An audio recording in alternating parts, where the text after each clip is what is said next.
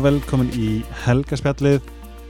Um, Eitt sem að ég hef var að fatta, eða svona sem ég er búin að spá í er að þeir sem að hafa prófað sítukjöfurnar og ég er alltaf að spurja því ég er svona pínu sérstaklega því að ég er búin að vinna þetta lengi með þeim og ég er mjög forrættin ég hef aldrei heyrt neitt segja að þær virkuð ekki fyrir þá. Mér finnst það vera svo cool dæmi og það sem ég finnst líka, það sem ég líka að ég bara hugsa upp átt um, í, í, í sítukjöfurunum er það sem er bara þau kalla undirhafsins sem er títosan og það er svo ógæslega græðandi.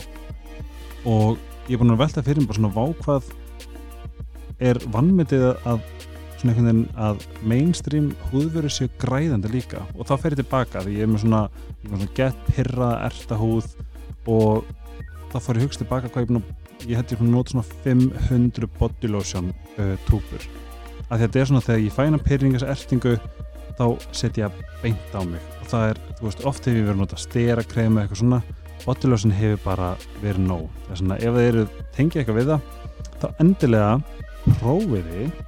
Getur keift til dæmis travel kitið sem er mjög gott valjú og með afslökunum helgarspjalli getið þingið afslátt uh, Vítaminin ykkar uh, okkar eru mikilvæg uh, mikilvægur hlutur í okkar samfélagi en það er eitthvað svo geggja við konceptið að geta hoppað inn okkur pillum og líkaminn og heilinn bara nærist á uh, góðum íslenskum júrtum en Ice Herbs er líka með mér ennþá sem ég er gríðalega þakktu fyrir enda stórkuslega verur og ég sagði það í þættinu með Efum daginn að það sem hún las upp skilabóð það sem að einn fylgjandi sendi mér einfallega og las það upp uh, Sítokir er búin að bjarga mér. Ef það er ekki góð meðmæli þá veit ég hvað.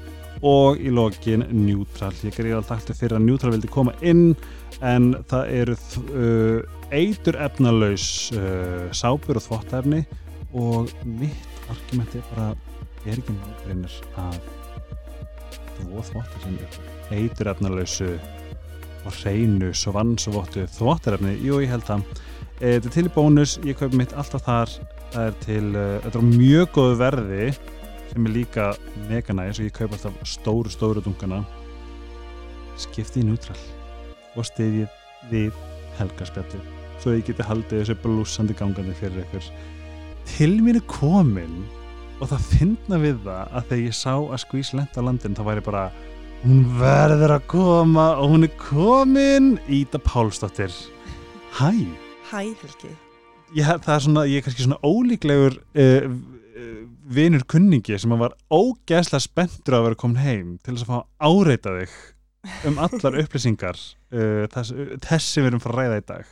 Já, bara frábært að fá komingað í podcasti. Hvernig er að vera komin heim? Það er bara, maður kom einu tilkynningu fyrst? Absolutt. Ég, hérna, ég er smá kvefið, þannig ég er frekar nefnmælt Ég vil bara fólk viti það. Já, mér finnst það að vera svona Phoebe Já, my ok sticky shoe Ok, ok, það er gott. En ég er bara svona, fyrir þá sem hafa ekki hýrt röddunum minn og halda þetta sem hún þá er þetta ekki, þá er þetta ekki alveg, þetta er ekki já, potential Þetta er svona Paris Hilton þegar hún er ekki með baby voice. Já, já, einmitt, einmitt. En að vera komin heim er bara ótrúlega næs. Ég, Mhm. hérna ég það er eitthvað svona að koma heim og allt er eins. Það er alveg sjarmi í því. Mhm. Og bara einhvern veginn að koma heim og allt fólki manns er hérna og já, það er bara búið reyndislegt, við erum búin að vera hérna alveg í þrjár vikur eða eitthvað svoleiðis eða tvær, tvær þrjár vikur og bara já, frábært. Þú sem satt bjóst út í Japan mm með mannuðinum Já, sem verður námúti og dóttir eitthvað kæja já. Og ég bara, mér, ég er ekki tjóka, mér langar bara að vita allt, ég ætlaði sko að tróða mér inn í kaffi en ég var bara why don't we share this with Mhm. the listeners? Algjörlega hvernig, ef við svona förum förum alveg í byrjun við hittumst rétt áður en þau voru að fara út Já, passar hvernig leið þér þá og ef þú tekum mér svolítið inn í þú veist, þú ert að flytja frá Íslandi og hér varstu bara í bara svona, þú varst alveg bara í gýr, bara í þinni vinnu þú varst í þess, þú varst, þú Mhm. varst veginn svona mega aktív mm -hmm. og að farast í Japans það sem að beigðin kannski bara svona tölvert rólega líf Mm -hmm. ef þú tekum mér svolítið taktum í smá ferðalag frá svona fyrstu dögum Mm -hmm. og svona hvernig voru fyrstu fyrstu dagar veikunar úti Sko, hérna, maður minn sem sagt fekk styrk, skólastyrk og hann, og út af COVID þá frestaðist brottförin svolítið mikið og það hérna endur á hann fyrir oktober, lók oktober og landamærin í Japan er sérst bara alveg lókuð út af COVID.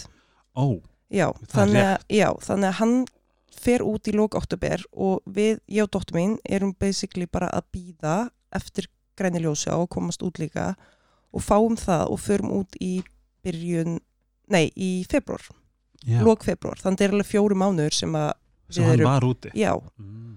og hérna og sko ég var, það er ótrúlega skrýtin ég var ekkert, ég var ekkert stressuð. Mhm. ég vissi ég var að fara í alveg allt annað prógram en þetta var bara eitthvað svo réttu tími í lífu mínu til að fara aðeins út. Það? Já, ég er svona, ég hef alltaf ég er náttúrulega bjó, ég hef einsinu búið í Köpen Mhm. þar sem við eiginlega kynntumst. Er það? er það ekki? Nei, við kynnumst bara Nei, sorry, sorry, sorry, nei, nei, nei, nei, nei, sorry, já, já, vá, við erum búin að þekkast lengur, allavega, þú var svona, já, mann hittumst í Köpen, allavega, Mhm. um, og planið hefur alltaf verið að flytja aftur eitthvað út. Mhm. og svo eignast maður bann og það er útrúlega auðvelt að fara ekki út. Mhm. en hérna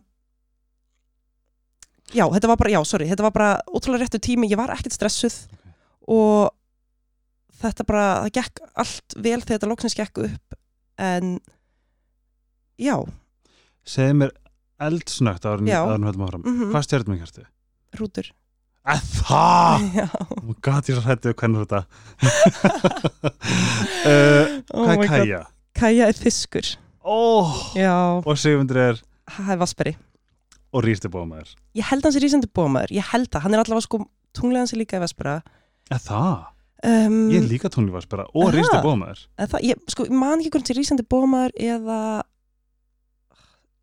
já, eða eitthvað annað. Það er annað Segjum sér rýrsti Já, bómaður. Það hljómar rosalega vel. Mm, En þú fóst, það sem ég ég, það, ég, ég þetta með rosalega margt. Mm Þú pakka tösku -hmm. og þú ert að fara að flytja til Japans. Já. Hvað pakkaru og svo fljúið þið saman mæðgur? Mm Hva, Hvernig var það? sko um, við byrjar á ég að pakka. Við byrjaði að pakka, sko sjátt þetta á mig, ég náði að pakka fyrir bæði mig og dóttu mína í tvær töskur Nei, og flytja til Japan. Það ok, er alveg, frekar, frekar vel gert.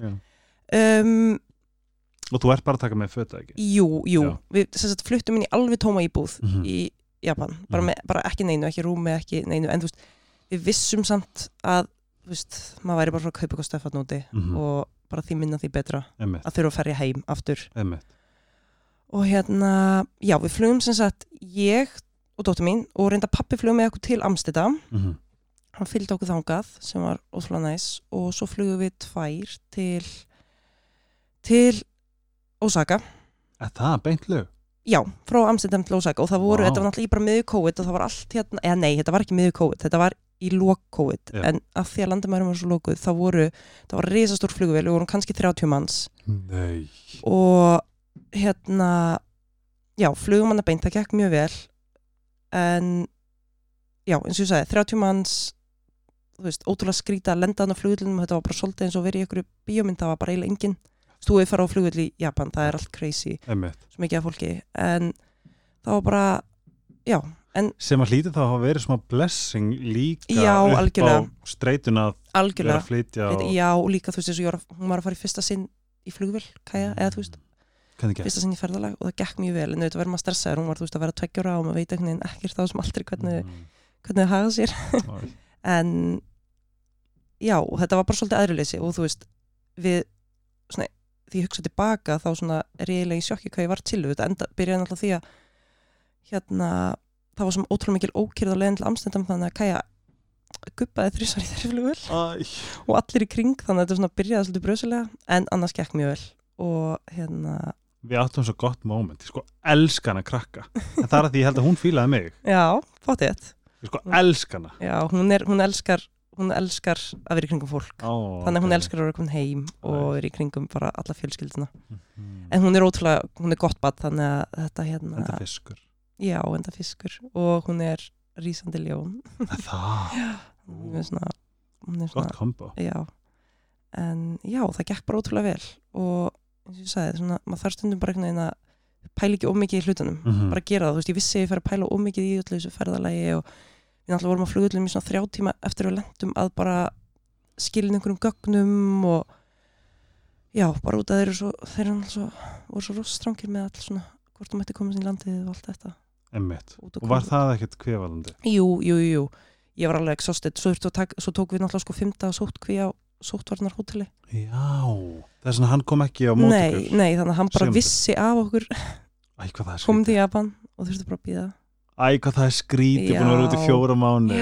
Og sólarhingur náttúrulega í algjöru ruggli, náttúrulega Japan er nýju tíma undan. Mm Þannig að þetta er einhvern veginn, og já, þetta er smá blur bara. En þetta var svo mikið, svo var þetta bara svo mikið, svo var þetta bara bíómynda moment þegar maður hitti slokksins og mjög að bara, bara simmarði miklu sætari þegar það var svo landsins saman og bara eitthvað, oh my god, þannig að þetta verður allt þess virði, var allt Og þið takið bara lest til Kyoto og flytið til Kyoto. Nei, þá þurftum við að taka, máttum ekki taka lest að því við erum Ó. nýbúin í sótkví, við þurftum að leia bíl á svona 50 skall til að skuttla okkur frá, frá Osaka flugulum til Bílstjóraði leiði já, sjálf. já, já og hérna og þurftum að vera sótkvíð með þessi heima í einhverja þrjáta og ég er að ríða þetta upp bara sjálf Mhm.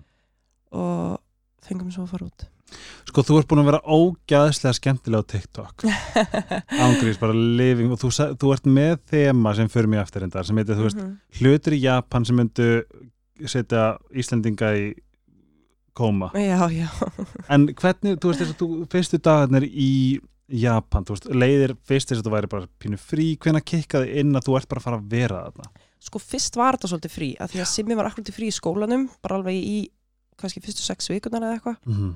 Þannig að þá nýttu við bara svolítið tíman í að vera bara svona næstuði túristar, bara svona sjá allt og hérna fórum til Tókjó og bara eitthvað svona já, bara lifa smá túristalífi þannig séð. Mm og svo hérna voru við líka ekkert viss eins og með dóttur okkur kemst inn á leikskóla en hún var mjög heppin, hún komst inn á leikskóla í, hverfinu þarna eftir þessar sex vikur. Og þá svolítið svona byrjaði rútínan. -hmm. bara simmi í skólan kæja á leikskólan og eitthvað og það var bara geðað næs Mm Kom þér ekki óvart hvað er dýrt þetta? Jú, sko, það er náttúrulega margt dýrt Mm -hmm.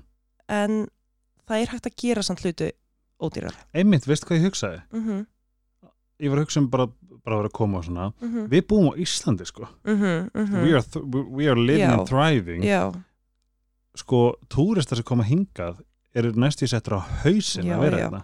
ég fekk alveg áfalla að koma hingað sko, að ég veit alveg að það er dýrt í Japan en það er miklu dýrara hér finnst, finnst mér allavega, en náttúrulega það sem er í Japan alltaf sem er svo skrítið er að það er dýrt en það er samt miklu læri laun í Jap- Japan til dæmis heldur en hér, já, já, já. Miklu, miklu. Og hérna þannig að það er svona svolítið ósamræmi í því en það eru bara lífskeiði fólks allt önnur aðna veist, Mhm. fólk er ekkert að, eins og við Íslendingum við fyrir bara til útlanda tvisar ári eða, Mhm. Eða hvað sem það er og veist, eins og svo sem var yfirkennari, leikskólakennari að kæju hún bara, já, ég hef einu sinni farið útlanda og hérna, eitthvað. Það er líka alls konar í Japan sko, ég, ég TikTokið mitt er rosalega mikið í Japan og svona Mhm. alls konar líka bara svona, svona dark side og svona, að allt það er svo fyndið, það, mér finnst þess að það sé svona, það er lífið sem er Mhm. svona pottjætt og Mhm, svona mhm, presentað svona bein í baki og svona, svo á að vera bara eitthvað svona hellaður underground culture. Já, það er nefnilega það sem er líka ótrúlega skrítið, þú veist, sem að kannski veist, ég meira sér bjóðan í ár og ég kannski ég sjálf var það ekki beint vitnaði En en ég veit af því Nennir að segja mér eitthvað. eða þú veist, það er náttúrulega bara það er ótrúlega, þú veist, ég er einmitt bara hefur verið að lesa alls konar greinir og einmitt fólk og TikTok og eitthvað Mhm. svona, eins og er einn stelpa sem að er sem sagt hálfsvört sem býr þar eða nei, er japansk, hálfsvört og hálf japansk Mhm. hún tala mjög mikið um sína reynslu að vera, Biracial. já, biracial í Japan og það er sjúkla áhugavert Mm og þú veist, eins og bara þetta veist, eins og ég, í öllum skólum eru þú veist skólabúningar og það eru allir bara svolítið eins, þú veist, þú mátt ekki vera með eitthvað skrýtna hárgreðslu eða Mm. eitthvað svoleiðis, þú veist, þú mátt ekki vera eitthvað Nei. skilur, þú þarf bara strákur þurfa bara að vera með eitthvað ákveðna hárgreðslu og, og hún talar um til dæmis að því hún er sem sagt hálfsvört og þú veist, hún þurfti að sanna það að hárið sitt væri ekki litað af því það var eitthvað dekk, eða þú veist, ég, I don't know -hmm. skilur, svona allt eitthvað svona. Sem er svona og maður sér það náttúrulega bara ótrúlega mikið í samfélaginu en það er ótrúlega ósýnilegur fjölbreytileiki þú veist, Já. þú sérð ekki þú veist, ég bjóð hann í ár ég sá, ég sá aldrei, ég sá einu sinni hérna samkynneið fólk haldast í hendur. Einu sinni. Hvernig eru Japan varandi þeir eru náttúrulega, það er bara þú veist, það er bara ekki mikið talað um það. Og við kynntumst einum strákjuminn sem er enda kóriuskur sem að hérna, eða maður minn kynntist honum og ég hitta nokkur snum sem er samkynniður kóriuskur býr í Japan og hann er mitt, þú veist hann er DJ, hann fyrir drag og svona hann býr í Tókjó og hann hérna vinnur í ykkur svona ráðgjafafyrirtæki á virkundum, þar sem hann er bara í hvítri skirtu og svörtum buksum og það veit enginn hann sé samkynniður mm. og svo um helgar fer bara eitthvað svona allt annað í gang þar sem Mhm. hann er, þú veist hann sjálfur að eitthvað leiti og mér finnst það ótrúlega mikil galli Mhm. mér finnst ótrúlega mikil galli og sérstaklega það kannski öðru svo fyrir mig og svona sem er náttúrulega ég er náttúrulega bara maður er orðin svona, maður er mótaður einhvern veginn, einstaklingur en eins og fyrir dóttu mína sem er ung þá vil Mhm. ég, þú veist, mér langar hún Fá að sjái, tjá sig. já, sjái fjölbreytileika Mhm. í daglegu lífi og að það sé ekki eitthvað Þetta er líka svo fyndið að þetta er svona ekki kannski í takt við það sem við höldum Japan upp á Mhm. anime Mhm. og hvað þetta er ótrúlega svona frjótt ímyndunar allstaðar og þú var. Eh, það, það er það sem er ótrúlega fyndið Mhm. hvað að þú veist ég varð svo forvitin líka bara svo kynhegðun Mhm. þú veist, þá vist að vera bara svona geðveikt frjór svona, hvað segir maður, svona kynhegðunar kultúr sem að gerist allt underground Já, algjörlega veist eitthvað um það? Nei, gufu Sko, um, ég veit ekki mikið um það en það eru náttúrulega svona svolítið bælt þjóð á Mhm. mörguleiti líka. Þú veist, eins og svona, í- mikið af þessu sem ég kannski er að segja er svolítið mikið sem ég hef heyrt frá Mhm. fólki sem hefur búið þarna og alls konar. Sem er fyrst sko sjúkla áhugavert. Já, Elskar mín guð, hérna Velkomin til Íslands. Oh my god, ég fekk bara kvöfum leið og ég lendi og minn góður Sko, þú veist, það er ótrúlega mikið að svo fyndið, þetta er svo ótrúlega svona einmitt, allir svo ótrúlega fínir og snirtilegir og allt svo eitthvað svona svo er ótrúlega mikið af hérna, eða fínir og snirtilegir, allir bara svo ótrúlega Svona pottið já, pottheitir og pen og Mhm. eitthvað svona, svo lappari og það er ótrúlega mikið einhverjum svona strippklubum og eitthvað Mhm. svona í Japan sem er ótrúlega mikið svona, sérstaklega í Kyoto það er svo Mhm. mikið andstæða það? við það er svo mikið andstæða við fólki sem þú sérð og ég fór ekki að spyrja eins og fólk sem er búið hérna, þá er þetta bara svolítið svona, þú veist menn far, fara þarna, þú veist þeir vil ekki halda fram með konunum sínum Mhm. þannig þeir fara þarna til þess að svona fá ykkur útrás Einmitt. en það er náttúrulega líka bara ótrúlega, þetta er náttúrulega bara þetta er svo margt sem leiðir að þessu, náttúrulega sjúklega skrítin vinnukultúr þarna, mennirnir vinna svo sjú, þú veist, að mennirnir vinna og konunir eru heima Já. og þeir vinna bara, þú veist, 12 tíma dag og þeir bara hitt ekki börnin sín og það er bara einhvern veginn svona svolítið bara svona samþygt Ég veit heldur ekki hversu algengt það er en ég man, ég var að hvort það hefur verið væs eða eitthvað mm -hmm. að þú veist, það er líka bara viðkjönd að þeir bara leggja sig bara já, og það já, var já. artisti held ég Mm -hmm. sem að spreyjaði meðfram uh, mönnum sem, mm Mhm. sem voru sofandi að þeir voru að vinna fram eftir og tók myndir og það var í rauninni list, listaverki Já, já, og líka bara hvað, þú veist, veitingastæður eru opni lengi af því að þeir bara næra sig ógislega sein. Já, þeir náttúrulega það er svona, þú veist, eins og Ísakæja þú veist, svona veitingastæðir, það sem þeir fara eftir vinnu. Ekki svona running sushi. Já, bara, Ísakæja er bara veitingastæðir, svona litlir það sem þú ferð og borðar og drekkur Já, basically. emmi og þú veist, og þeir fara bara að drekka áttabjóra eða eitthvað og verða bara blindfullir og deyja á áfengistöðu á göttunum og þú veist, Simmi sagði sérstaklega að hann fór í, hann hefur sérst farið tvisar áður til Japan og ég bæði skiptum með vinnu sínum í svona meira, eitthvað svona meira djama og eitthvað svona.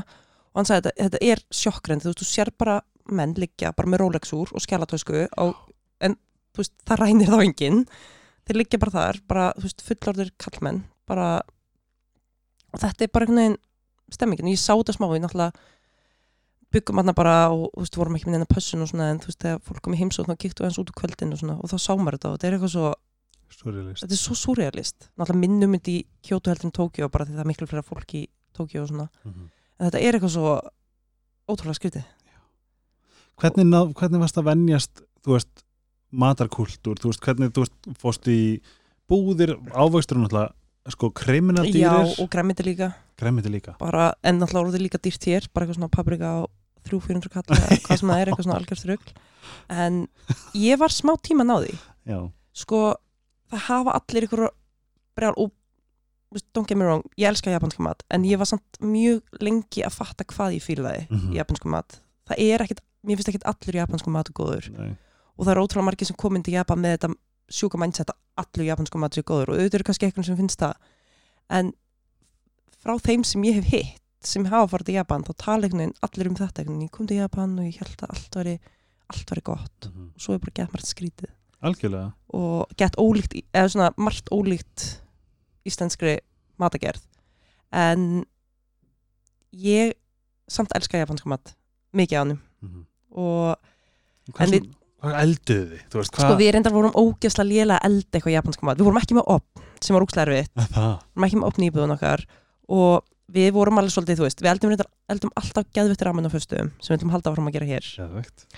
Og, en annars var maður svolítið svona fara að kaupa í búðum en náttúrulega í búðum þannig að miklu minna aðgengi bara að eitthvað svona algjörlega basic hlutum Mhm. sem maður er vanur að geta kift hver sem er.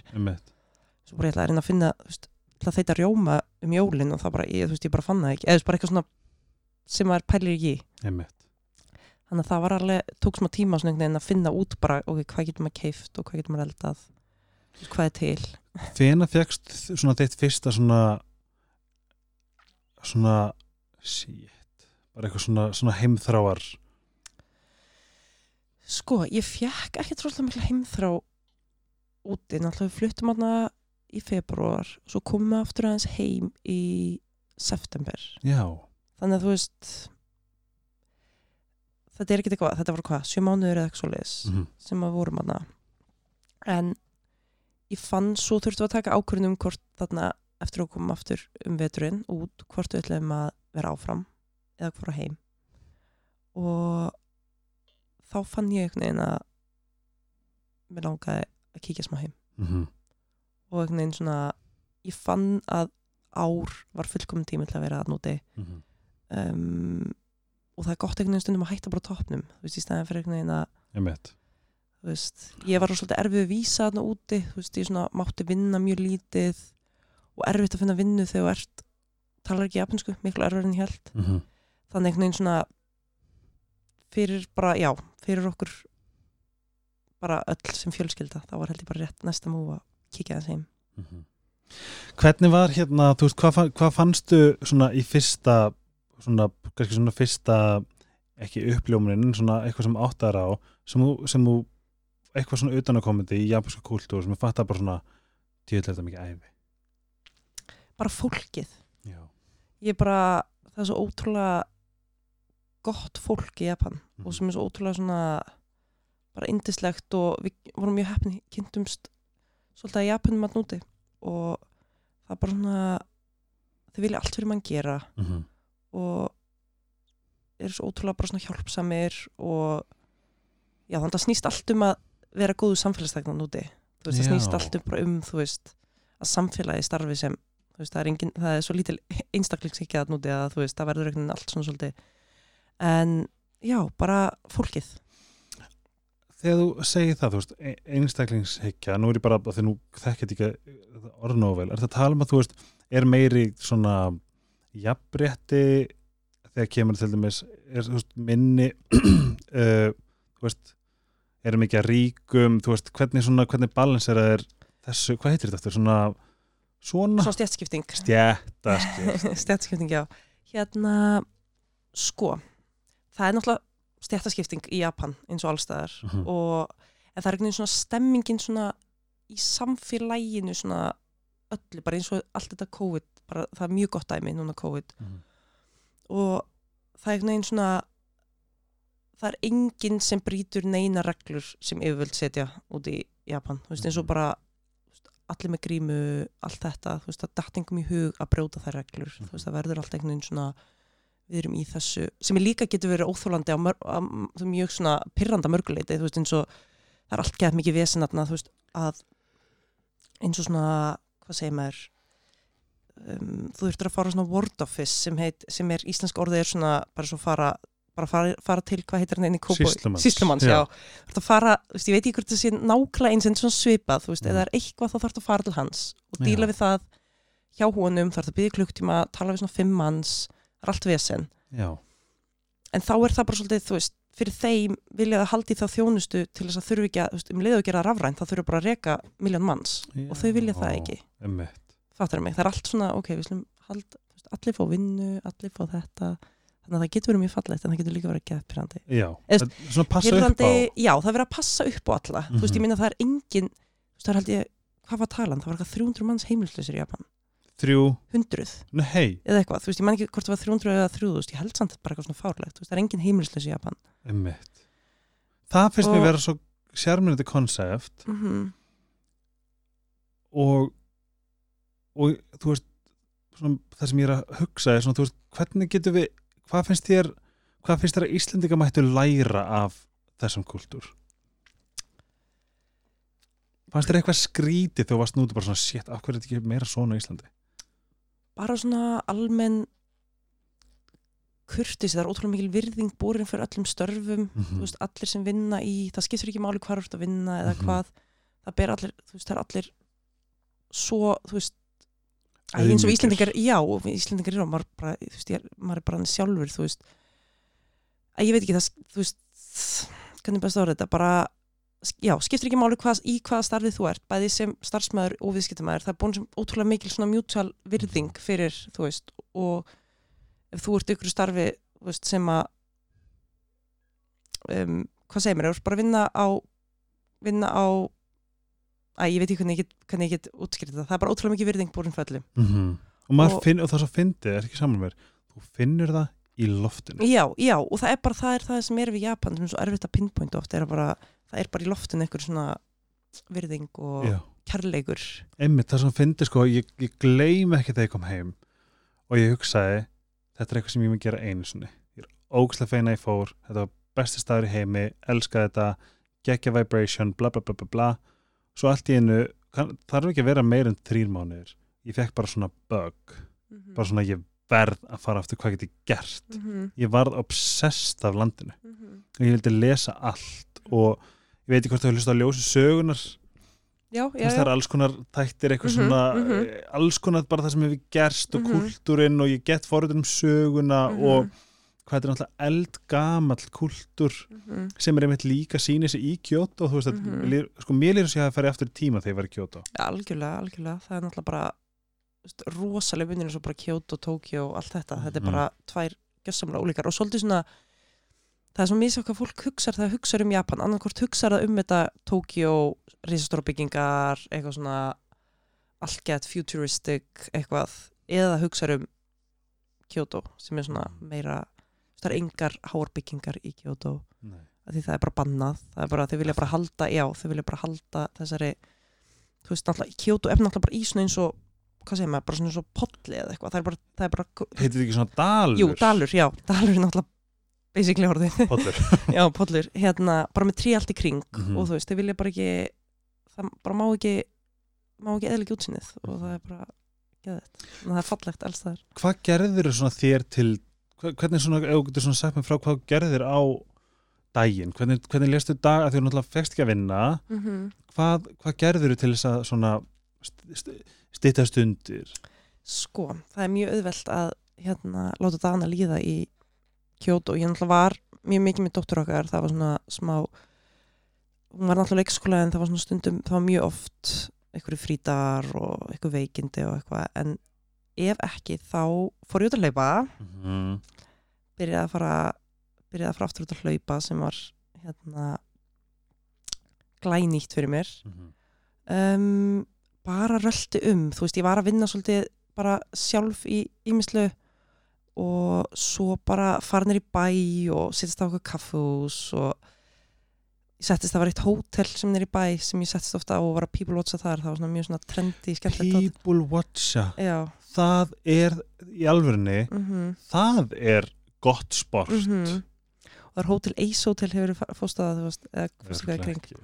það var þarna þetta er eitthvað mega, svona fínt hótel en samt svona ótrúlega mikið svona trendi fólki veist, Mm. sem eða fer til Kyoto og gistir að þar þannig að það var úkslega gaman að sittast þar og fá sér kaffi og hérna, Ertu komin á matchavagnin? já. Þú veist Simmi elska matcha, maður minn og ég svona, ég elska sumt matcha Mér dreymir um að gera svona lítinn matchabar bara pínu lítinn. Svona stór glös Mhm. með fullt af klökum og Mhm. matcha og möndlumjólk. Mhm, maður getur bara svona take away. Mhm, það var bara verið bara svona pínu lítið. Já. Svona eins og hérna hérna Devitos hérna já, bæ, er litla. Litla en sem að var sem var einu sinni þarna hjá bankastræti þarna við hliðin á prikinu. Já, það var svona já. pam pam mhm, mhm það væri til að gera eitthvað svoleiðis. Ég veit það. Það var ekki að við höfum oft talað um það. Er bara svo erfitt að láta eitthvað svona gerast. gerast og ganga upp hérna á Íslandi. Það er allt svo dýrst og, og það er líka svolítið svona munurinn á Japan og Íslandi. Er að fólk svolítið í Japan maður sér að það er svo mikið svona, sérstaklega eins og í Kyoto svo mikið að litlum svona serverubúrum já, já, bara businessum sem að, ég var alltaf bara hvernig gengur þetta upp? Ég er sammála. Og en málið er, mindsetið þeirra er allt annað. Það er ekki, fólk er ekki í þessu til þess að græða geðvitt mikið pening. Það er bara til þess að geta kannski lifað af. Mhm. komið út á okkur geta borgað sér laun og komið út á okkur núli og fyrir þeim er það bara nóg. Og það er ótrúlega svona falli pæling að maður er allt, þú veist, sem Íslending maður er alltaf að hugsa hvernig maður getur gert hlutina stærri og eitthvað. En og líka bara ekki kaupa bara það sem allir hinn eiga. Já, já. Alltaf bara fjögrönd mm -hmm, eitthvað þannig að þeir eru bara svona ótrúlega sáttir í bara að hlutinni bara eða þeir ganga upp, þá eru þeim bara eru þeir sáttir við það. Mér fannst svo gaman hvað er mikið að serverum það var bara einhver Já. ein pínlíti búð sem var Mhm. bara með já, og veist bara eitthvað ein tegund af nývapurum einmitt. Og maður gæti staðið fyrir utan allt ógeðslega flott Mhm. allt bara ógeðslega fallegt og þú bara svona djúið langum ekki nývapur mm. mm aldrei spáður þessu nývapurum einmitt. Já, hvað myndir segja hafi verið svona pros and cons hvað myndir segja sé svona besta við að búa í Japan og þrýfast í, í japansku samfélagi og cons sem er væntalega uh, jákvæðasta hliðin og neikvæðasta hliðin sko jákvæðasta hliðin er að það er bara ótrúlega næs að lappa út á daginn og það er svo auðvöld að finna sér eitthvað að gera mm -hmm. Veist, hvort sem er bara eitthvað að fara út í bæ sittast á kaffús, lappa um í hverfinu sem ég bjó í, sem var bara eitthvað svona eins og ég sagði eins og búi Mosó. Um, Eða samt downtown Moso já, já, downtown Mosó. En eða bara, þú veist, skoða ykkur einhverja túristarhluti, einhverja historikal hluti eða hvað sem það er, þú veist, einhvern veginn svona þú voru aldrei uppuskroppa með hluti að gera. Það er sprjálu tíska í Japan. Mm -hmm. það er svo gaman að bara veginn s- komandi frá Íslandi það sem einhvern veginn þú sérð bara tísku í gegnum internetið og allt inni þú veist eins og það er einhver nýjar ný kollab milli ykkur eða hvað sem það er maður sér þetta bara á myndum Mm -hmm. veist, næstum ekkert svona kemur til Íslands en að geta séð það bara, farað að skoða það Mhm. náttúrulega sérstaklega í Tókjó það sem er bara klikkutíska og geðvitt second hand, ég er náttúrulega vesla, vesla held ég bara second hand næstum þegar ég bjóða núti Mhm. sem hún sýnir á TikTok Já, Mhm. mm ég var ekki nægilega duglega því en ég ætla, ég áalega eitthvað inni en Mhm. hérna já, að geta haft aðgengi í það. Svo gaman. Og já, bara eins og ég sagt bara fólki indislegt og allir eitthvað svo ótrúlega respektfull og og allt það. Um gallar, það verður brjálaslega hitt á sumrin, hvenær fórst þú? Fórst þú um sumar? ég fór í mæ, Já, ok, það er alltaf tími það var æði. Já, það er ekki tími. Svona júli, ágúst bara fyrir þá sem er að hugsa um að fara bara prepare það er ógeðslega heitt. Bara sjóðandi. Sjónd heitt, það er bara svo sjúklega mikil raki líka. Þú veist, ég veit við Íslendingar elskum að tala eitthvað ó, svo mikil raki alls staðar en það er bara brjálega raki ég hata raka. Já, ég sammála, þú veist, ég var bara og ég, þannig. ég noti ekki þetta orðin sinni. Hva, Hvað nota? hata, Já, hata hata, já, já, já, já. En ég hata Já, raka. ég veit að, ég sammála. Og ég, þú veist, mér leið bara mjög illa þarna í lóksumars. Ég var að æfa mig fyrir hálfmarathon. Og sensta hlaupið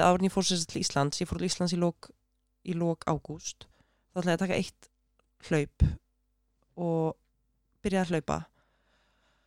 Ég var búin með þrjá kílómetra og ég var bara, þú veist, ég ætlaði að taka 15 eða eitthvað. Ég var bara, ég, ég get ekki meir og þá skoði ég, þá var, þú veist, 40 gráður, fílslag 46. Þú veist, þetta er bara svona, þetta er bara brjálað. bara sko að fara til köpuna sem erum bögga mig Mhm, Veist, mhm. ég hef aldrei ég hef aldrei verið típan ég hef alltaf verið óslega mikið svona þú veist, guð, þetta er svo þegar færið þú frunsur nei. Nei, og við erum þar. Þú er bara svona fólk fyrst ömöld frá frunsur mm og þú er bara eitthvað tengi ekki, -hmm. bara sleppi við það. Mm -hmm. og mitt var að þú veist, ég er ekki svona svita típa, ég fæ ekki, þú veist, ég hef aldrei fengið Mhm. svona undir hendurnar og bara svona, verið bara svona gett heppin hvað þetta var en að lappa út þú veist, sem ég á tippinu á sumrin og þú ert bara sveittur. I cannot deal with it. Ég veit að það er hræðilegt og ég bara nein, veist, ég lendi bara, ég varð eitthvað veik í þrjár vikur eða eitthvað í júli og ég var bara fegin því ég bara, ég get ekki farið út, ég get hvort er ekki farið út. Þú veist, ég get ekki gert neitt, ég bara þú veist, það vissi ég bara og það sem náttúrulega svo klikkað er að þú veist Japanin náttúrulega vil ekki láta neina sól skín á sig. Já, þannig að þeir eru alltaf í, þú veist, eitthvað svona uh, langarma og eitthvað svona þú veist, ég, ég sól hlýf og svona. Já, já. Þú veist, ég er alltaf bara Íslendingur, ég er alltaf bara vönið að sól. Það er maður bara í einhverju, þú veist, sko.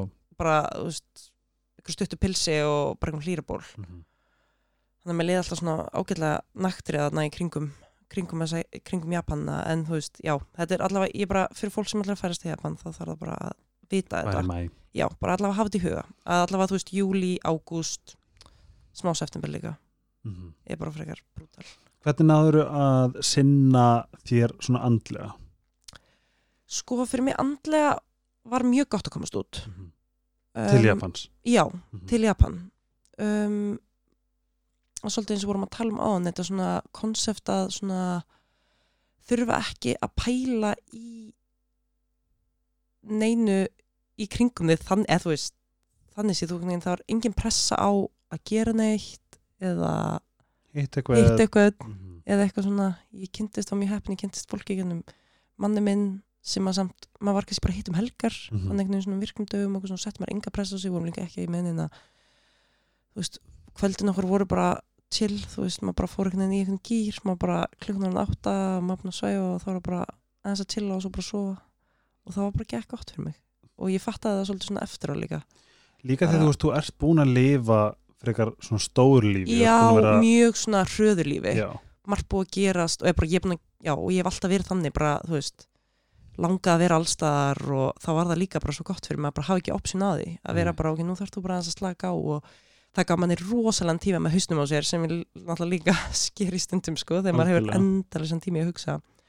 En það var samt svo gott líka og bara einhvern veginn ég náttúrulega var eignaðist náttúrulega Kaja fættist þarna í sko tveim dögum fyrir nei, tveim dögum eftir bara fyrsta lockdowni í COVID þannig ég var að Já. eiga svo skrýtna tíma þarna undan, ég, nei, hún fættist ég var í orlofi í COVID og svona, þegar það var í gangi var ég svona já, þetta er bara gett næst, það er enginn að gera neitt og maður getur bara að vera heima. En þetta var líka samt svo stressandi, maður fattar það eftir á. Að, þú veist og bara þetta get ekki farið út á kaffehús maður var bara inni að með nýfætt batn og ég vöna mamma líka bara. Já, og bara ég vöna, vöna einhvern veginn að fara á kaffehús fjórum viku og hitta fólk og allt þetta, þannig ég svona já, var því og svo bara byrjaði að vinna og svo er ég bara ein í þarna fjórum mánuði þannig að það var bara gett gott fyrir mig að komast í smá bara róp þar sem hún bara neyðist til þess að slaka á. Ertu Ertu hrætt, ekki hrætt, er, ertu hrætt um að þú veist núna það ertu mættalega með svona keirandi Japans gen í þér? Mm -hmm. þú veist, ertu með fókus á því að viðhalda svona ákveðnu blissi sem þú svona tilhengaði er og gleyma þér að þú ert komin aftur í Íslands samfélag eða hvernig, svona, hvernig líður þér að þessu leiti að vera komin heim? Þú veist, myndu gera breytingar eða svona hvernig já, ég held það. Mér langar það, það er alveg svona hlutir veist, en auðvitað líka hlutir á Íslandi sem ég bara gett ánægði að vera komin aftur heim í. Mhm. þú veist, bara auðvitað líka alveg gaman að hitta vinni sína á miðugdegi eða hvað sem það er fara og, teiti, já, bara eitthvað svona, þú veist en fá pössun og bara let's go. Já, náttúrulega pössun náttúrulega góður, það er náttúrulega rosalegt sko. Hérna en já, það er klálega hlutir sem ég ætla að reyna að tilengja mér, bara þetta svona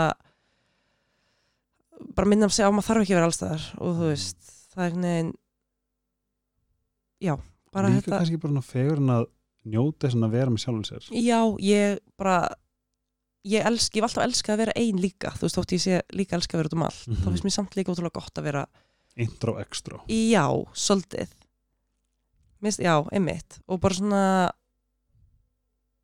já, finnst þetta að hafa gert þið betri að ég held það.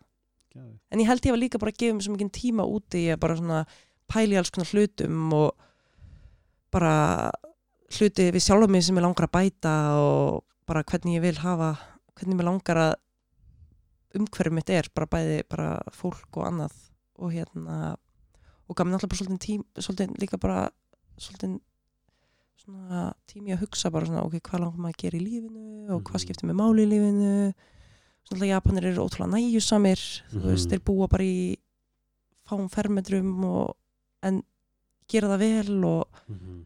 allt í hennu finnst mér það bara ótrúlega sérmennandi og bara einhvern veginn að já, Ég verð að spyrja, hvernig rúmkeftur er?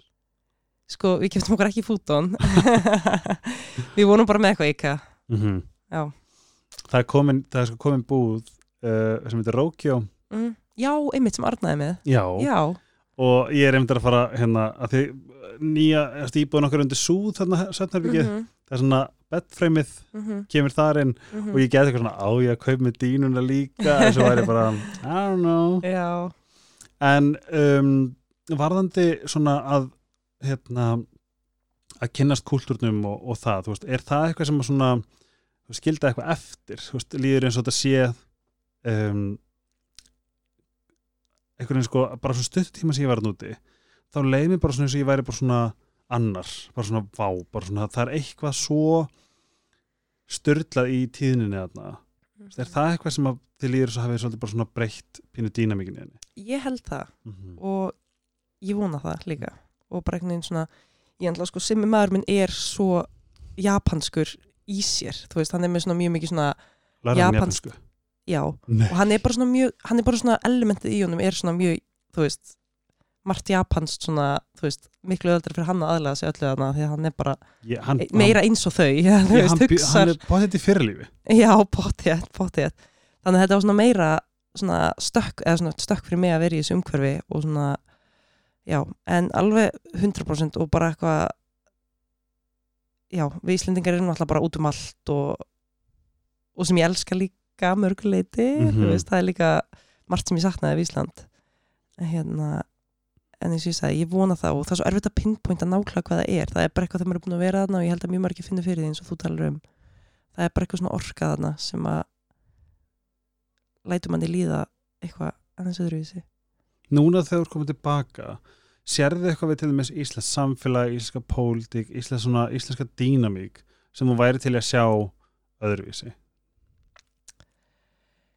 Já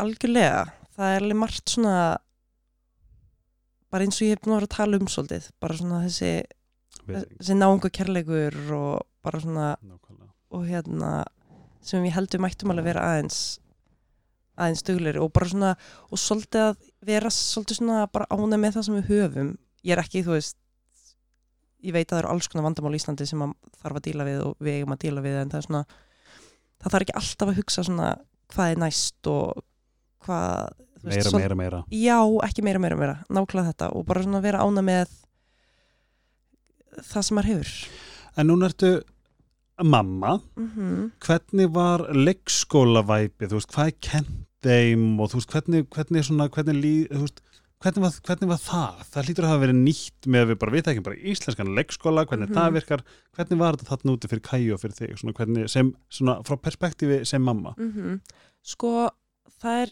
mm, svolítið, það er rosalega sem ég sko Japans börn eru frekar öguð bara svona til að byrja með, þú veist, Mhm. mér líður svona svo þau eru bara ótrúlega hérna þæg að ykkur leiti ég veit það ekki og það er einmitt það sem ég hef svo mikið verið að pæla í bara af hverju eru þannig, það er þú veist Tíðinin í Japan, já, þú veist, ég bara, maður sá sjúklega sjaldan einhver börn grátandi út á en ég, þú veist, ég veit að öll börn gráta Mhm. þú veist, don't get me wrong, en þau bara svona virðast mjög svona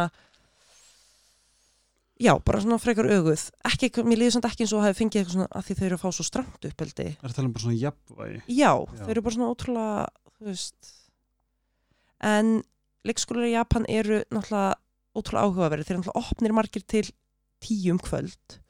Það? já, að því náttúrulega það er svo rosalega vinnukultúr. Og um, eins og ég sagði, það er mjög mikið svona mömmur sæ- sjá um að koma krakkan og sækja krakkana. Um, En en sömur frá mótum til kvölds? já, Wow. Kaja var til hálf fimm og hún var oftast svona, þau voru tvö sem voru að fara þá og svo voru allir hinn lengur um, ótrúlega Kaja elskaði leikskólan sinn. Æ, það, þannig að það var og þú veist, hún var leikskóla sem enginn talaði ensku. Ekki það að hún tala ykkur ensku en þú veist, þá bara lærði hún japansku Mhm. og sem er styrla já. Svampa hausin á þessu litlu já, krútti svo þarf maður að passa sig að hal- viðhalda því sko, það verður svolítið erfitt sérstaklega að ég tala ekki japansku Já. en Sim allar eitthvað að reyna.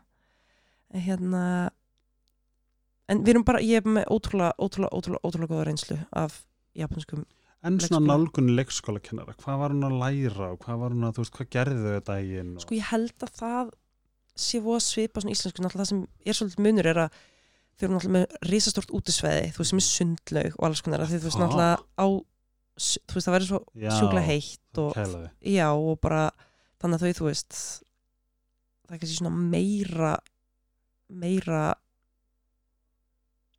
meira á stærra útisvæði basically, þú veist, meira að gera fyrir þau eitthvað svona úti og eitthvað, en annars held ég þetta sé að svipað, Mhm. held ég. Kemur þeirra óvart hvað margt er kannski bara pínu svipa í Íslandi? Já, það er náttúrulega einhver svona það var br- ekkert massíft kultúrsjokk eða hvað? Þú veist, já og nei þú veist, ég held einhvern veginn bara ég vissi þetta er þið kultursjokk og mér fannst, ok, það var kultursjokk mér fannst þetta ekkert erfitt. Þú veist, ég var ekkert eitthvað, guð, hvað er erfitt að vera hérna. Nei. Mér leiði alltaf aldrei þannig. Og veistu mér langar að hoppa vel akút. Ég veit að það er indislegt og ég mælu svo mikið með að fólk hefur tök á að kíkja til Japan. Mhm. og náttúrulega bara við náðum alveg fullt af svæðum sem við náðum ekki að ferðast til til dæmis þegar byggum hana. Hvernig ferðist, ferðist þið með public transport eða leiðið bíla? Um, transport alltaf, Já. við leiðum ekki bíl. Það er alveg bara við vorum ekki með hérna alþjóðlega já, uppskirtni, maður að greiða það og það er vinstrum fyrir náttúrulega þannig að ó já, emmitt ég persónulega myndi næstu ekki trista mér eða sko. Ég var að horfa á vídeo fyrir sko eða eitthvað þegar hana, stóri jarðskjöldin reyður yfir Osaka mm og það er svona highway -hmm. og það var hérna vörubílstari nei, búss svona strætubílstari Mhm. hann var að keira og hann sá bara steipu highwayið bara svona, bú, svona öldur þetta er bara svona tsunami mm. mm -hmm. lentuðu í einhverjum jarðskjöldum sko við lendum alveg í við lendum í nokkrum litlum mm -hmm. og einum svona aðeins ekki stórum náttúrulega ekki á neinum japanskum mælikvarða ekki neitt Mhm. stórt en samtalið og þetta var miðanótt og ég vaknaði og ég var alveg scared sko Já. þessum hann svo ógislega hómanar eh, nei varst ok þú hérna sorry. þegar jarðskjöldinu voru hér já ég var aðeins, Já. sorry ég ætla að segja ég tek það tilbaka, við erum vunni þessu hér að það voru alltaf jörskjöldur enn daginn en það er eitthvað við að vera í útlöndum Jep. og lendi í jörskjölda, maður er bara ok, þetta geti verið orðið hjúts, Já. þú veist og sérstaklega í Japan mm -hmm. og það var þarna þegar við vorum, það var einn alveg frekar stór það sem allt í Tókjó fór í algjör strugl og bara það var, Já. rafmagnir fór alltaf af og bara í einhvern tíma og eitthvað rosalegt sko. þannig að maður var alveg eitthvað svona en við vorum alveg á frekar góðum stað svona með allt, allt eitthvað svona náttúruhamfara dæmi manstu hversu hversu hérna, þetta er eitthvað 2 og 20, 2 og 40 eitthvað svo leis og náttúrulega bara svo næs. Mm -hmm. svo næs að ferðast með lest. Það er hægt að fljúa fljú út að líka en við tókum alltaf bara lest og það er bara miklu þægilega líka bara bullet trainið er upplifin út af fyrir sig. Já, og það er bara, ó, það er náttúrulega bara sjúkla þægilt, get mikið leg space, Já. get skilvirt, þú veist, þetta fer á tíminna fresti eða eitthvað, Mhm. þetta er bara eitthvað brjálað. Og já, bara, Það er ekki líka eitthvað svona ef hún kemur á seint þá fá allir eitthvað Já, public apology og eitthvað. Þú veist, þú færi bara eitthvað miða sem er bara stendur, bara þessi lest var sein og þessin er ég sein og bara já, þetta er alltaf geðveika samgangur, ég mun sakna samgangur svo mikið, ég, þú veist, ég er, við erum ekki með bíl núna eftir að flutum heim og mér langar það ekki en ég veit bara við endum mér að þurfa Ertu með bíl núna? Nei, Að ég skvöllar heim? nei, ég er með, ég er með áláni Ég er með ég- láni, já, ég er- ég er- ég er- þú keirir hingað? Já, ég kerði þinga, já, Ok, takk að því ég var alltaf bara svona að því ég var með viðtölu undan. Já, ég, það var bara svona, af hverju bauðin ekki að sækja hana svo bara ég hef Ég- geta ekkert mál, ég fekk hérna bíláni en bara svona, já. En ég veit að það er, þú veist, það eru samgöngur hér það er strætó, en þú veist, það er bara þegar maður er vanur þessum ultra góðu samgöngum í Mhm. Japan, þá eru strætó svona svolítið, svolítið krefjandi verkefni, sko. Áttur einhver moment að núti sem að bara svona, sem að, þú veist, verður talað bara sem á mannst, þú veist, eitthvað svona sjokk, eitthvað svona hellað, eitthvað áhugavert, eitthvað sem þú bara mynd aldrei gleyma?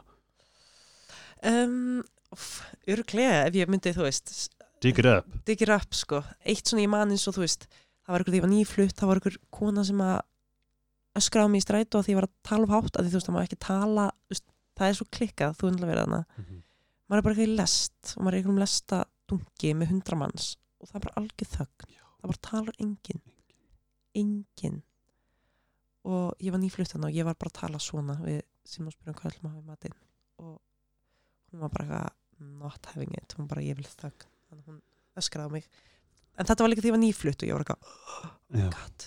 en ég lent ekki neinu svona aftur ég nefnilega á þú veist, ég maður þessu mm og þá upplýði mynd líka þetta að vera to, svona, til að hérna svona, svona til að vera ó, ég hugsa alltaf ennsku, svona considerate til að já, Virða, já, þú já, veist. alg, algjörlega, algjörlega og ég minna þú veist, þetta er ógislega næs mm Mhm. að því þú veist, ég var fyrir að bara sopna í lestinni og Já. sopna í bössu og það var svo gott aðeins að loka augunum og fór Hvíla svolítið sig fram hjá stoppinu Nei, reyndar ekki. Ég þorði ekki alveg fyrir djúpsöfnin, sko, en ég svona aðeins, en bara það, það er svo gott líka hvað þetta er samfélagslega viðkjönd, að Mhm. loka bara augunum og bara eitthvað, sem ég liður sem ég myndi gera það í strætó, myndi fólk bara taka mynda mér og posta það Mhm. á, þú veist, þú verður bara mím Já, ég er bara eitthvað mím, eitthvað, eitthvað strætó mím og hérna, þessi full já, einmitt, en bara, já, þannig að, sko, mm, þetta er bara svona sem ég dettur í eða, þú veist, það er pottet eitthvað, Þú veist, ekkert með alltaf óörugri.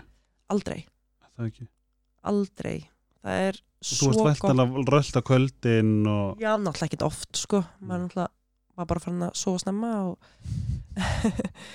um, en nei og það er ótrúlega örugt að vera þarna og auðvitað eru ykkurir smágleipin það er bara svo rosalega refsing við öllum gleipum þarna.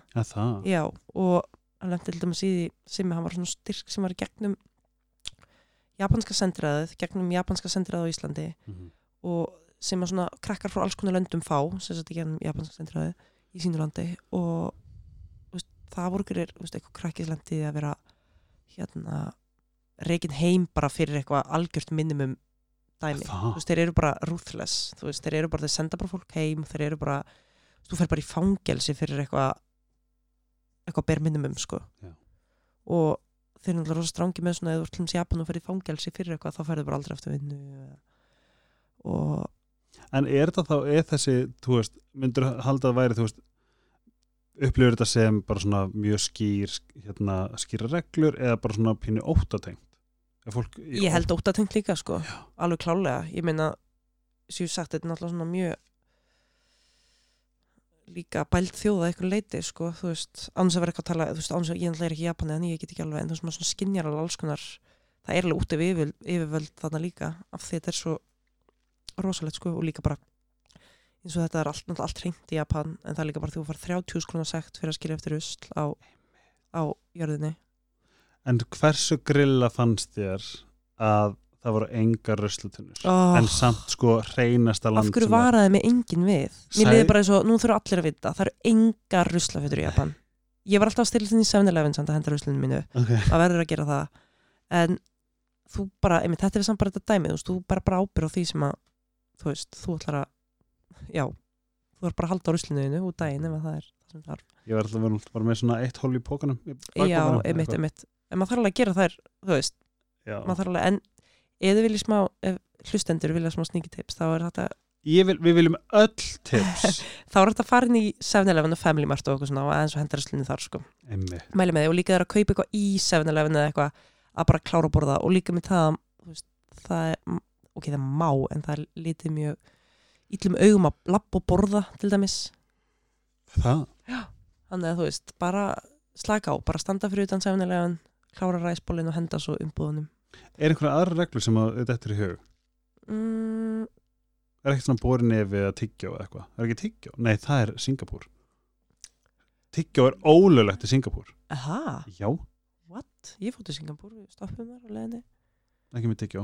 ekki guð, ég vona að ég hafa ekki um þetta um, æ guð, þetta er allt eitthvað svona það, það eru hundra hlutir um, en það er bara svona margt svona lítið það er ótrúlega margt svona lítið í eins og bara konur eru eiginlega aldrei með gutt í eirónum Ó. eitthvað svona, æ bara svona eitthvað svona litli hlutir sem eru bara svona já, ok, maður Mhm. pælir ekki mikið í og eitthvað, sorry, ég er ekki með neitt gott Nei. en, En þú veist, sko- það er potið hundra hlutir Má ég sem segja eitt sem að ég sko, að því nú er bara búin að vera mikið í Tælandi mm og líka þetta tengir sama hérna í Japan þegar þið, þú veist, neyja sig, mm Mhm, beigja sig -hmm.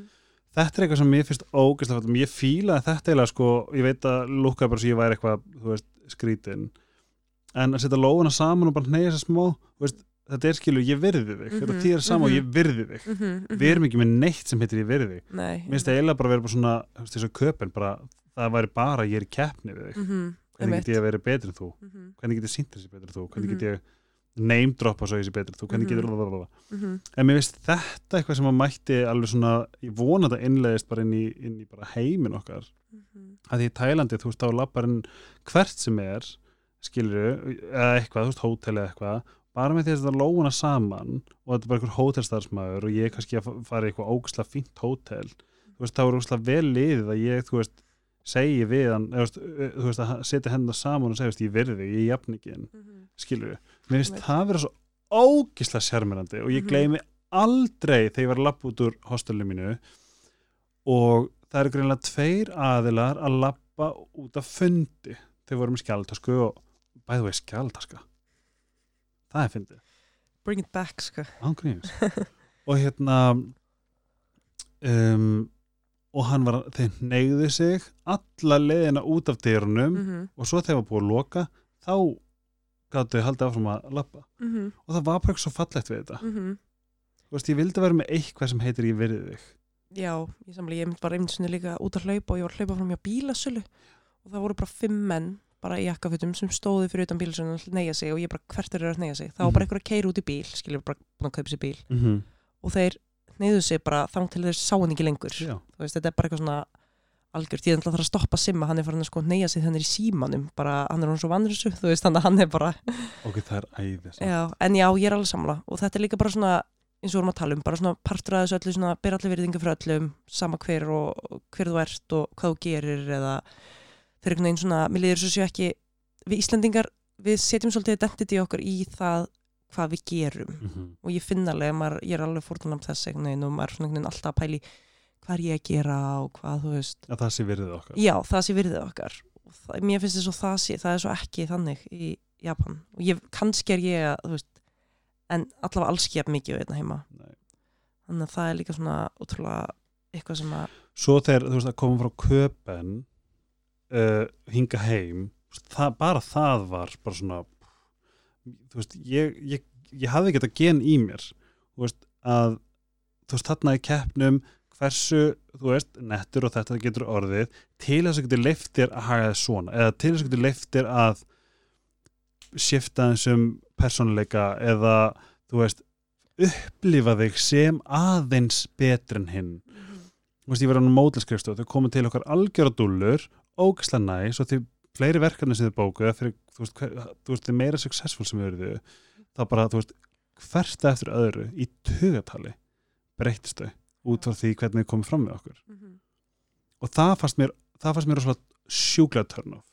Ég hefði aldrei getað þrifist í samfélaginu sérstaklega ekki tískabransunum þegar í rauninni arrogans þurftilega að vera partur af prógraminu til þess að kemist áfram.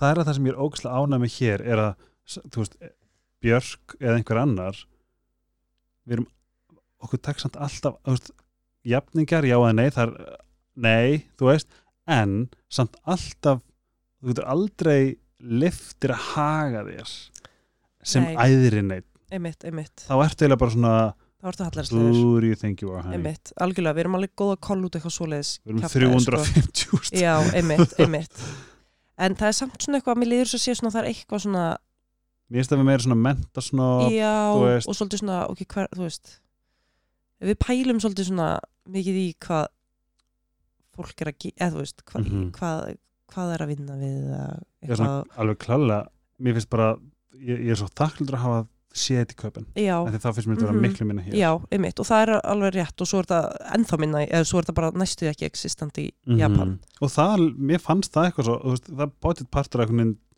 tilfinningunni eða árunni eða orkunni eða hvað sem það var. Þú varst bara svona mm maður er ekki að rembast við neitt. Nei. maður er ekki í keppnu við neitt og já, og bara hvernig finnst þér hérna svona kúltúrin þegar kemur að þú veist bara þú, þú segir mér að kaupa smáköku og hún er bara sett í gett fínan pottitan, gett geometriskan clean kassa. Þú allt geðvitt pakkað já, inn, allt svona, ok, það er náttúrulega það er náttúrulega allt og mikið pakkað inn það er náttúrulega bara allt í plast? Og, já, Já, í búðunum? já, já.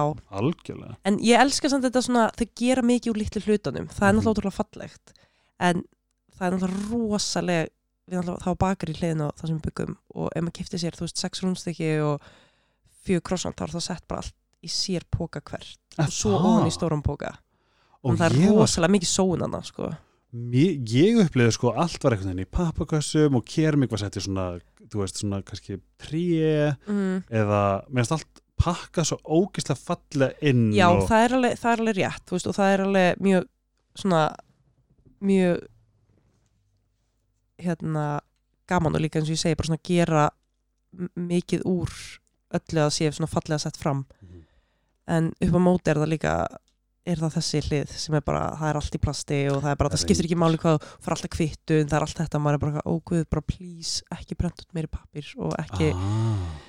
og hérna, Ég var svo sem líka rosalega mikið að bara perrast í það var einn markaður þarna mhm og líka sama með þú veist svona eins og street vendor skilu það er ekki, Mhm. það er lengi svona það er engi svona, þú veist street food, það er meira bara eitthvað svona gett flottir litli básar mhm, mhm mér finnst það svo gett Já, það er geðvitt. Það er úkslega næst og það er, já, okk, ég elskaði markaðina. Fórstu, á- fórstu- fórstu ekki á alveg nokkra aðnúti? Jú, en ég, Mhm. ég er enda að hugsa um flóamarkaðin Mm -hmm. á, bestir. fórstu einhvern veginn á það er svo 25. Og hvers 21. mánar 21. Og 25.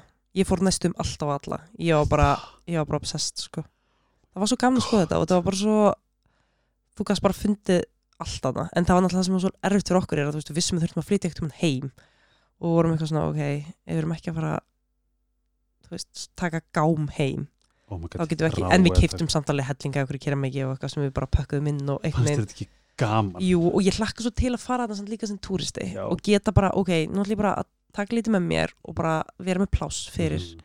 fullt af alls konar en Ó, fara aftur sko. já, þeir eru geðegir og já, fyrir fólk sem er hlustaði ætlaði að fara til Kyoto farið í kringum 21. eða 25.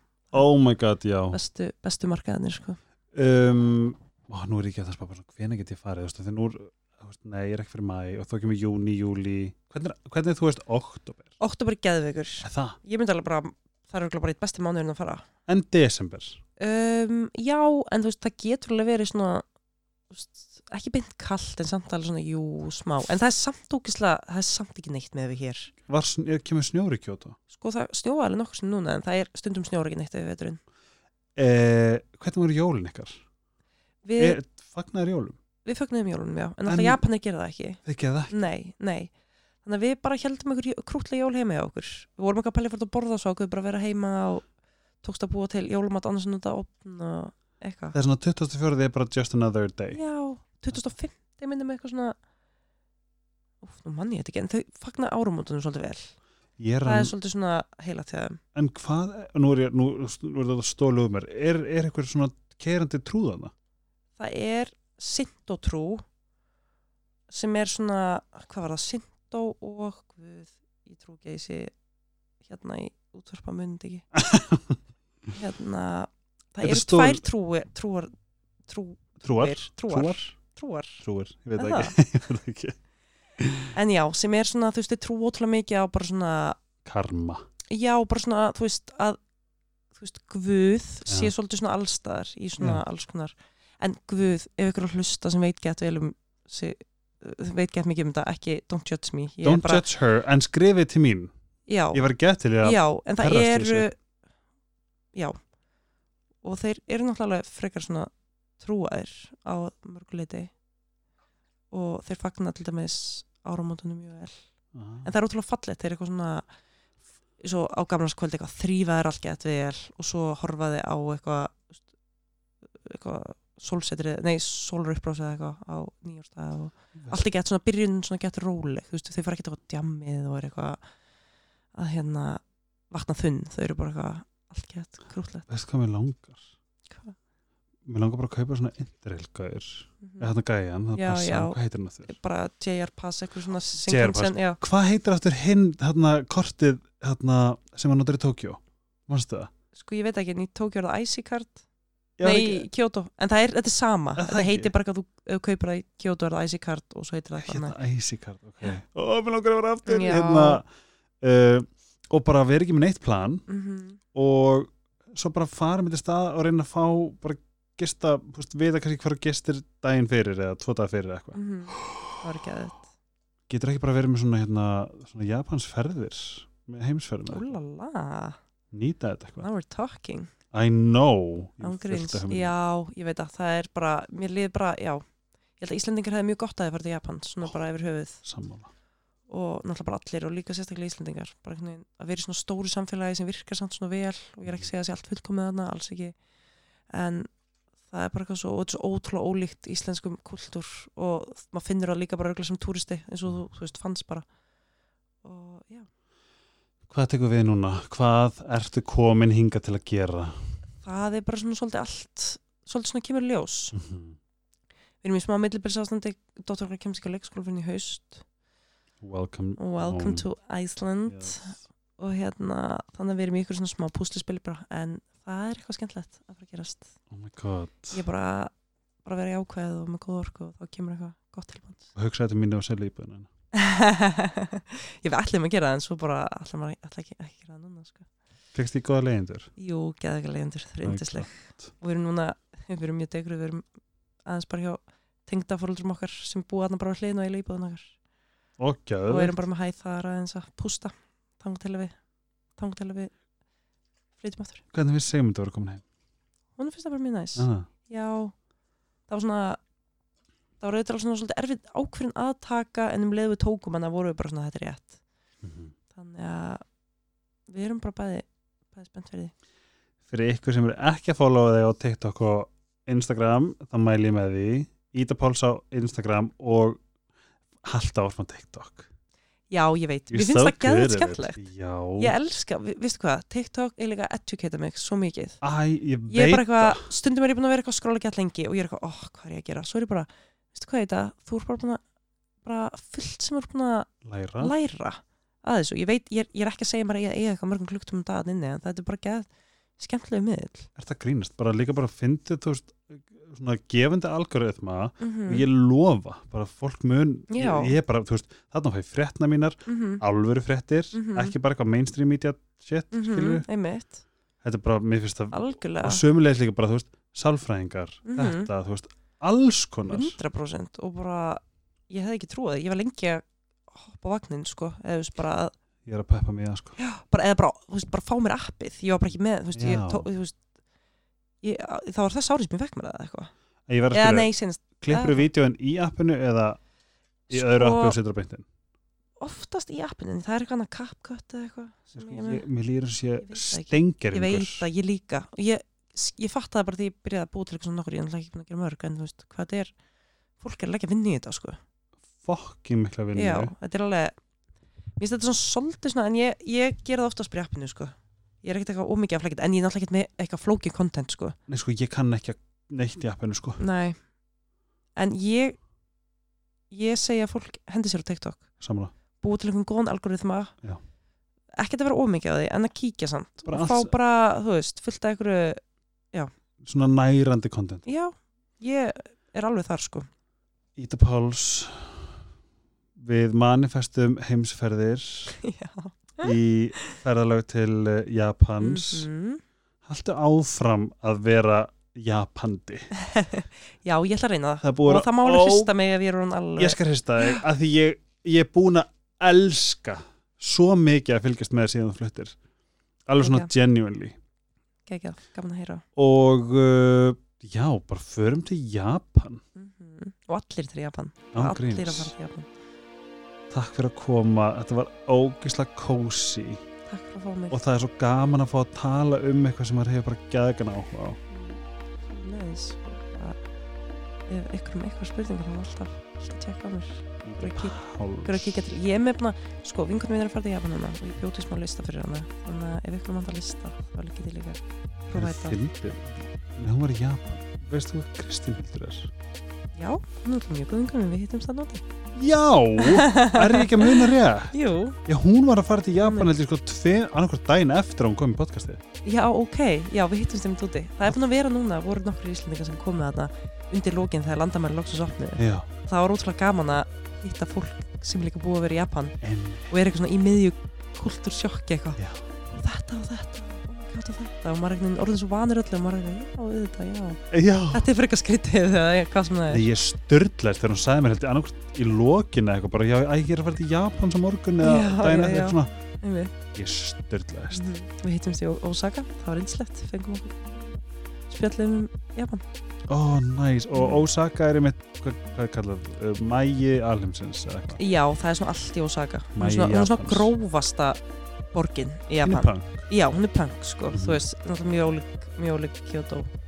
Og, Hún er það, hún er samt til hliðina Já, hún bara, þú veist, maður er bara 40 minnur leðin eða klukktíma eða eitthvað. Er ekki minna? Já, fyrir kannski eftir hvað, hvað þú ert að fara, þú veist, frá hvaða stuð þú ert að fara. Já, já, já En já, hún er bara mjög stutt frá, en það er bara allt ennur stemming, sko. Já. En hún er líka, hún er mjög skemmtileg, ég er enda fór alltaf bara ykkur dagsferða en hún er er að rock'n'roll, sko. Já, hún er svona street food og svona Ó, alls veistu, ég er bara svona Mér langar að bóka með flug núna mhm, Það er bara eitt í stöðinu Hvernig gerir maður þetta ódýrt? Hostel? Ég veit, ég hef náttúrulega ekki verið túristi Nei. Í Japan. Hvar gistur í Tókjó? Við gistum á tvisara hótel og einu sinni Airbnb en það er alveg dýrst Fucking Það er eiginlega bara, já, það er eiginlega bara ógísla dýrst eða var hrinskilinn, þú veist, ég var alveg í smá Sjóla Já, alveg smá sko. En svo samt, þú veist verður maður bara að gera það sem maður þarf að gera ef maður að fara að nút Takk fyrir mig skam Knústu fjölskyldina frá mér og okkur og hlakka til að halda orðum fyrir Takk fyrir að hlusta, elsku besta fólk. Uh, shoppiði á sítokер.is með afslökaðum helgaspjallið það með því að styrk eða með því að versla frá þeim þá styrkið mig. Og kaupið neutral þvottaefni grípum ykkur iSerbs í bónus eða kaupa ykkur ykkur dundurpakka á iSerbs.is Takk fyrir að eh, hlusta. Takk Sítokær iSerbs fyrir að eh, standa með mér og heyrums fljótlega sem bænum Bye